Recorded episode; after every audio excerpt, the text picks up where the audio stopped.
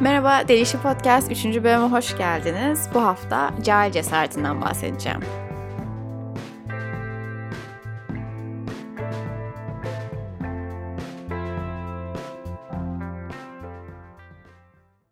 Bu konu tabii ki birine ve bir şeye sinirlenmem sonucu kafamda bir anda belirdi ve iki hafta kadar falan önce podcastime taşımaya karar vermiştim. Araya zaman girince sinirlendiğim tam kimdi, neydi hiç hatırlamıyorum açıkçası. Ama zaten günlük hayatımızın o kadar normal bir parçası ki bu cahil cesareti. O günden bugüne sayısız kez buna şahit olduğuma ve sizin de şahit olduğunuza çok eminim. Zaten şu anki koronavirüsü gündeminde herkesin ağzından aslında bilmediği laflar çıkarken Twitter'da bir 5 dakika geçirseniz ya da 5 dakika 10 dakika televizyon açsanız bunun bir örneğine direkt şahit olacaksınızdır.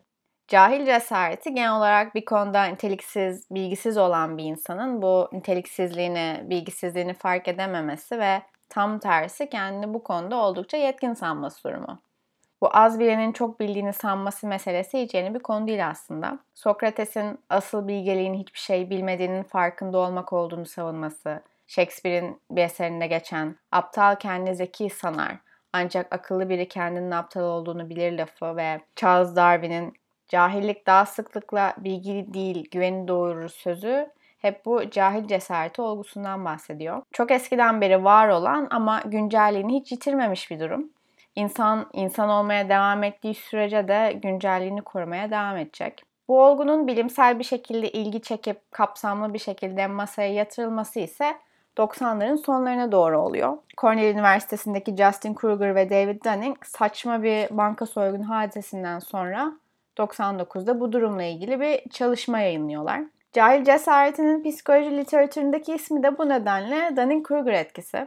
Büyük ihtimalle ikisi de isimlerinin bu çok şey bildiklerini sanan cahillerle özdeşleşmesini istemezlerdi ama makale büyük bilgi görünce de bu olguya yapışmış oluyor isimleri bundan sonra. Kruger ve Dunning bu araştırma kapsamında bir grup öğrenciyi mizah anlayışı, gramer ve genel akıl yürütme ile ilgili testlere sokuyorlar. Bu testlerden sonra da katılanlardan kendi performansları ile ilgili değerlendirme yapmalarını istiyorlar. Ve sonuçlar gösteriyor ki özellikle en kötü performans gösteren çeyrekteki insanlar genellikle performanslarını gerçeğin çok daha üstünde algılıyorlar. Şimdi insanların genellikle becerilerini ortalamanın üstünde görme eğilimleri var. Buna Dunning-Kruger'dan bağımsız olarak da ortalama üstü etkisi deniyor. Bunun bir sürü örneği var. Mesela Amerika'da insanlara araba kullanma kabiliyetleri ile ilgili soru sorduklarında %88'in kendini ortalamanın üstünde gördüğü görülüyor. Bir şirkette çalışan yazılımcıların yarısından fazlası da başarılı olarak kendilerini en üst %5'te görüyor gibi. Bunun bir sürü örneği var. Çoğu insanın bir konudaki gerçek performansı sandığı düzeyin altında. Çoğumuzun hatta büyük ihtimal hepimizin bu gerçek performansı ve sanılan performansı arasında bir makas var. Ama Dunning ve Kruger'ın bu çalışması ayrıca gösteriyor ki bir insan bir konuda ne kadar kötü performans gösteriyorsa gerçek performansıyla sanılan performansı arasındaki makas da o kadar geniş. Yani bir insan bir konuda ne kadar bilgisizse o konuyla ilgili şişirilmiş asılsız özgüveni de o kadar büyük. Dunning-Kruger etkisiyle ilgili bir özgüven tecrübe grafiği var. Instagram hesabına koydum. Ayrıca direkt Dunning-Kruger diye ararsanız çıkacaktır. Grafikte azıcık tecrübeyle güven direkt en üst noktasına ulaşıyor. Tecrübe arttıkça aşağı inmeye başlıyor. Belli bir yerden sonra o U dönüşünü yapıp yükseliyor. Ama yine de o yıllarca tecrübe sonrasında ulaşılan uzmanlık seviyesinde dahi o azıcık tecrübedeki özgüven seviyesine ulaşılmıyor. Yani resmen cahilin o özgüvenini cehalet dışında bir yerden yakalamak neredeyse mümkün değil. Bazı insanların o en üst noktaya ulaşması için de konuyla ilgili böyle 2-3 cümle duymaları yeterli gerçekten. Ve bu insanlar kendilerindeki yetkinlik eksikliğini göremedikleri gibi başka insanların yetkinliklerine karşı da kör oluyorlar. Genel olarak en iyisini bildiklerini düşünüyorlar başka insanların performansı onların aa bak ben kötüymüşüm kendimi geliştireyim ben de demesine neden olmuyor. Genelde bu nedenle de eleştiriye kapalı ve tabii gelişme kapalı oluyorlar. Peki bu cahil cesareti nasıl oluşuyor ve kendini sürdürebiliyor? Nasıl kendine karşı bu kadar kör bir şey cehalet? Küçüklüğümden şöyle bir anım var. Neden hatırlıyorum hiçbir fikrim yok ama konuya uyuyor sanıyorum. 4-5 yaşlarındayım. Anneannemin aldığı bir balerin kostümüm var ve işte salonda müzik eşliğinde etrafımda dönüyorum falan hopluyorum, dans ediyorum. Annem bir hevesle ''Aa baleye yazdıralım mı seni ister misin?'' falan diye soruyor. Ve sadece bir saniye durup bakıp hayır ben zaten çok güzel dans ediyorum ki deyip kendi etrafımda dönmeme ve hoplayıp zıplamama geri dönüyorum. O an onu söylerken gerçekten inanılmaz bale yapabildiğime ve inanılmaz bir yeteneğim olduğunu düşündüğüme eminim. Şimdi küçük Elif'in böyle düşünmesinin birkaç nedeni var. Büyük ihtimalle baleyle ilgili olan bilgi birikimi ve deneyimi çizgi filmlerde, prenses filmlerinde falan gördü. İşte elbisesiyle hoplayıp zıplayan balerin temsilleri ve kutuyu açınca böyle etrafında dönen o balerin figüründen ibaret. Yani balenin ne olduğu ve ne olabileceği hakkında bir fikri yok ve de kendini gözlemleyip değerlendirme yetileri de daha tam gelişmemiş. Bir insanın yetişkin olması da ne yazık ki böyle bir yanılgıya düşmesine engel değil. Yine aşağı yukarı aynı faktörler etkili oluyor. Bir konuda cidden çok kısıtlı bilginiz varsa, hiç tecrübeniz yoksa o konunun ve alanın ne kadar büyük ve derin olabileceğini anlayamıyorsunuz. 3-5 bir şey biliyorsunuz. Pay kısmında bu var ama paydanın ne olduğuna dair hiçbir bilginiz yok ve o paydayı küçümsüyorsunuz. İşte mesela iyi bir kamera, ışığın iyi olduğu bir saati yakalama ve işte çekecek iyi bir şey bulmadan ibaret sanabilirsiniz fotoğrafçılığı. Kendinizi geliştirme gibi bir çabanız olmazsa da hayatınız boyunca kendinizi iyi bir fotoğrafçı sanabilirsiniz bu şekilde. Bilmediğin şeyler olduğunu fark etmek için de esasında belirli bir bilgi düzeyinde olmak gerekiyor. Bir konunun içine düzgün bir şekilde girmeden alanın ne kadar büyük olduğunu anlamak çoğu zaman çok zor. Yetkin olmadığın zaman kendi yetkinliğini ölçen sistemin de yetkin değil direkt olarak. Bilgin eksik, e, ölçü sistemin de bu eksikliğin zararını görüyor. O yüzden bir nevi kendi cehaletin o cehaletin yarattığı kör noktada kalıyor. Bu insanların diğerlerinde de yetkinliği görememesinin de bir nedeni bu. Bunu demişken e, şöyle bir parantez de açmak istiyorum. Genel insanlar olarak yeteneği ve dehayı görmede gerçekten kötüyüz. Bu niteliksiz insanlar nitelikli insanların niteliklerini görmekten acizler. Bu Dunning-Kruger araştırmasında ilginç bir nokta da en kötü çeyrek bunu yaparken ve insanlar genellikle performanslarını olduğundan iyi zannederken o en iyi performans gösteren çeyreğe geldiğimizde bu tersine dönüyor. O en iyi çeyrekteki insanlar kendini olduğundan daha kötü zannediyor.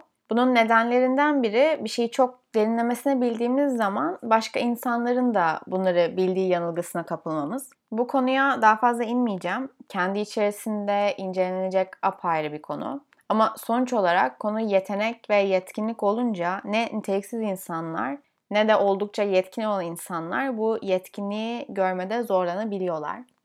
Cahil cesaretinin nedenlerine geri dönersek, hepimizin bildiği ve bilmediği şeyler var. Bu ikisi arasındaki sınır, çizgi nerede tam kestiremiyoruz hiçbirimiz. Bildiğimizi bildiğimiz ve bilmediğimizi bildiğimiz şeyler açısından bir sıkıntı yok bilmediğimizi bilmediklerimiz ve bildiğimizi sandığımız şeyler sıkıntıyı yaratıyor. Bilmediklerimizin boyutunu cidden bilemiyoruz. Ayrıca bazı şeyleri de bildiğimizi sanıyoruz ama aslı olmayan, gerçek olmayan şeyler olabiliyor bunlar. Şu anda internetle bilgiye ulaşmak bu kadar kolayken bir anda bilgi üretmek ve dünyaya salmak da o kadar kolay. Ne yazık ki bunlardan bazıları asılsız ve yalan oluyor. Örnekleri de koronavirüsü üzerinden vereyim madem. Kaç haftadır işte yok kelle paça virüsü iyi geliyormuş, sarı ırka bulaşıyormuş, beyaz ırk olmuyormuş, sirkeyle geçiyormuş. Yok işte 10 saniye nefesinizi tutabiliyorsanız koronalı değilsinizdir gibi şeyler dolanıyor. Bunları yani bunların hiçbiri gerçek değil tabii ki. Bunu söyleyip yayanlar da ne yazık ki bazen birileri tarafından tırnak içinde saygın olarak tanımlanan insanlar oluyor. Bunlar da aslı olmayan bir bilgi birikimi hissi yaratıyor. Şu an duyduğumuz her bilginin gerçek olup olmadığını sorgulamak durumundayız hepimiz. Bu bilginin kaynağı ne? Bunu söyleyen insan ne kadar güvenilir? Bu konuyla ilgili bir şey söyleyebilecek konuma birikime sahip mi? Ve de yani belki de en önemlisi bu bilgi bu insanın uzmanlık alanına mı giriyor, girmiyorsa bunu neye dayandırıyor? Bu çok tehlikeli bir durum. Bir anda sizi cidden pek bir şey bilmediğiniz, bir virüs hakkında çok şey bildiğinizi sanar duruma getirebilir ve sizde saçma bir cahil cesareti yaratabilir. Gerçek ve yalan bilgileri ayırt etmek, ayırt edebilmek adına eğer takip etmiyorsanız Teyit.org'u takip etmenizi çok öneririm. Hazır yeri gelmişken söyleyeyim. İnternetteki şüpheli bilgileri inceleme, doğrulama platformu. Son zamanlarda da Soner Yalçın'ın Kara Kutu isimli kitabını incelediler. Gerçekten emek ve vakit harcayıp çok önemli bir iş yapıyorlar ve de ne kadar çöp bilginin ortalıkta dolaştığınızı görmenizi sağlıyorlar gerçekten. Cahilliği de aslında bir grup insanın üstüne atıp sanki bir grup mütemadiyen cahilmiş, diğeri de eğitimli olduğu için bu tuzağa düşmezmiş gibi düşünmemek gerekiyor. Cehalet insanın bütünsel olarak yaşadığı bir şey değil, daha konu özelinde bir şey. Bir insan çok iyi eğitim almış, belli konularda uzmanken konu değişince farklı bir şeyde ne kadar niteliksiz olduğunu fark edemeyebilir. Hatta belki bir insan zeki olduğu ve hayatının birçok alanında nitelikli olduğu için de bu tuzağa dikkatsizce düşebilir gibi geliyor bana. Şunun üstüne durmakta fayda var. Kruger ve Dunning bu deneyi öyle sokaktan çevirdikleri insanlarla yapmıyorlar. Cornell'deki öğrencilerle yapıyorlar. Bu öğrenciler de belli bir bilinci, belli bir eğitimi olan insanlar. Öyle ilk gözümüzde canlanan kendi bilmez cahil kesim profilinde değiller yani tam olarak. Bence bu bilgili insanlar bu cahil cesareti tuzağına düştüğünde de daha tehlikeli bir boyuta geliyor bu durum.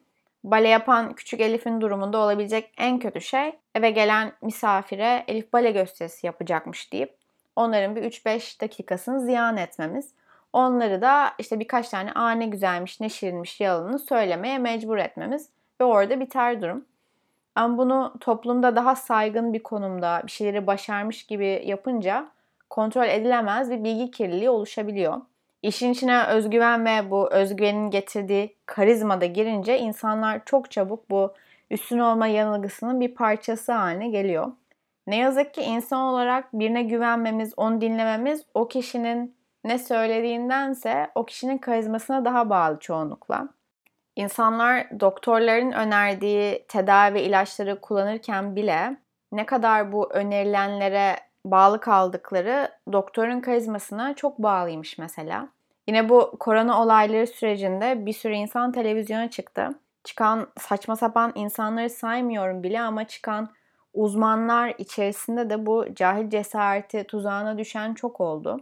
Birinin uzman olması yeterli değil. Konuştuğu konunun uzmanı olup olmadığı önemli burada. Ya da işte uzman değilse de bunu neye dayandırabildiği tecrübesizlik, güven, cesaret getiriyor diyoruz ama işte bilmiyorum bu konuyla ilgili tam bir bilgimiz yok deme cesaretini de ancak konunun gerçek uzmanları gösterebiliyor garip bir şekilde. Direkt önümüze sunulan bilgiyi kabul etmeden önce de bunu bana söyleyen kişi nelere dayandırıyor bunu diye sormakta fayda var. Belki çok tekrar ettim ama tekrar edilmesi gerekiyormuş demek ki bunun. Bir insanın bu Dunning-Kruger etkisinden çıkmasının tek yolu ise bir şekilde bilgisini ve tecrübesini arttırmasından geçiyor. Sadece o zaman geriye bakıp ne kadar aptalmışım, ne kadar büyük konuşmuşum falan diyebiliyor. O tırnak içinde cahillik seviyesindeyken de biraz eleştiriye ve gelişime kapalı olması bu durumu daha da zor yapıyor tabii. Cidden bu cehalet özgüven ikilisi bir paket halinde bir arada oluyor gibi. Minik bir paradoks. Anca o cahilliğinden kurtulursa o gereksiz özgüven gidiyor. Ama bu sefer de zaten artık cahil olmamış oluyor. Bu podcast'i ve örnekleri dinlerken büyük ihtimal hepimiz cahil olmayı ötekine yakıştırıyoruz. O etiketi ona atıyoruz. Hepimizin gözünde başka başka insanlar canlanıyor.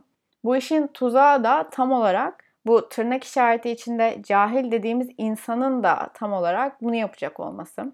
Düşündüğünüzde hepimiz büyük ihtimal hayatımızın bir yerinde buna düştük. Şu an geçmiş bir hareketinize söylediğiniz büyük sözlere, kafa tuttuğunuz bir şeylere bakıp utanıyorsanız bu bunu kanıtlıyor. Ama geriye bakıp utanacak bir şeyleriniz olmasaydı da bu gelişmemişsiniz, büyümemişsiniz demek olacaktı.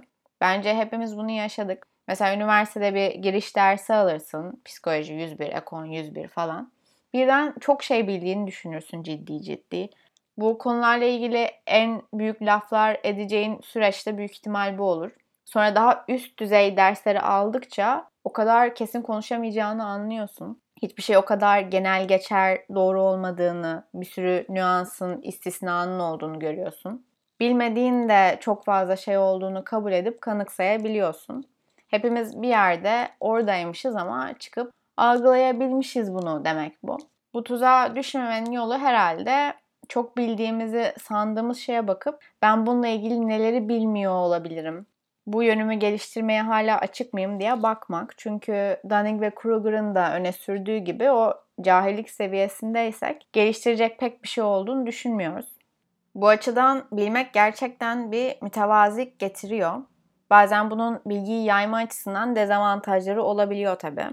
Gerçekten bilen insanın sesi o kadar gür çıkamayabiliyor. Bana bilim biraz tevazudan doğan, ondan doğabilecek bir şeymiş gibi geliyor. Çünkü bir noktada bilimin ve keşfin ilk adımı bir şeyi bilmediğini kabul edip neyi bilmediğini tespit etmeye çalışmak. Sonra da ona doğru yaklaşmanın bir yolunu bulmak. Bulunamamış yeni bir şeyin hali hazırda aydınlık olan yerden değil de karanlık olan yerden çıkacağını kabul etmek gerekiyor. Bir yandan da bu karanlık yerler, cahillikler de bu yüzden çok değerli. Buna karşı kör olunca bu değeri görmüyoruz tabii. Gelişmekte ilk olması gereken bu bilmediğin yere bakabilme. Eksik tarafını görebilme ve buna yaklaşmaya çalışabilme cesareti. İnsan hayatının her bir alanında da bu geçerli. Bu konuyla ilgili söylenebilecek çok şey var daha fazla ama ben e, bu konuyu burada bitirmek istiyorum. Umarım bu bölümden keyif almışsınızdır. Bana yine Delişi Podcast Instagram hesabından ulaşabilirsiniz. Yorumlarınızı orada yapabilirsiniz. Umarım bir sonraki bölümlerde tekrar görüşürüz. Bu arada gerçekten kendinize çok çok dikkat edin. Hoşçakalın.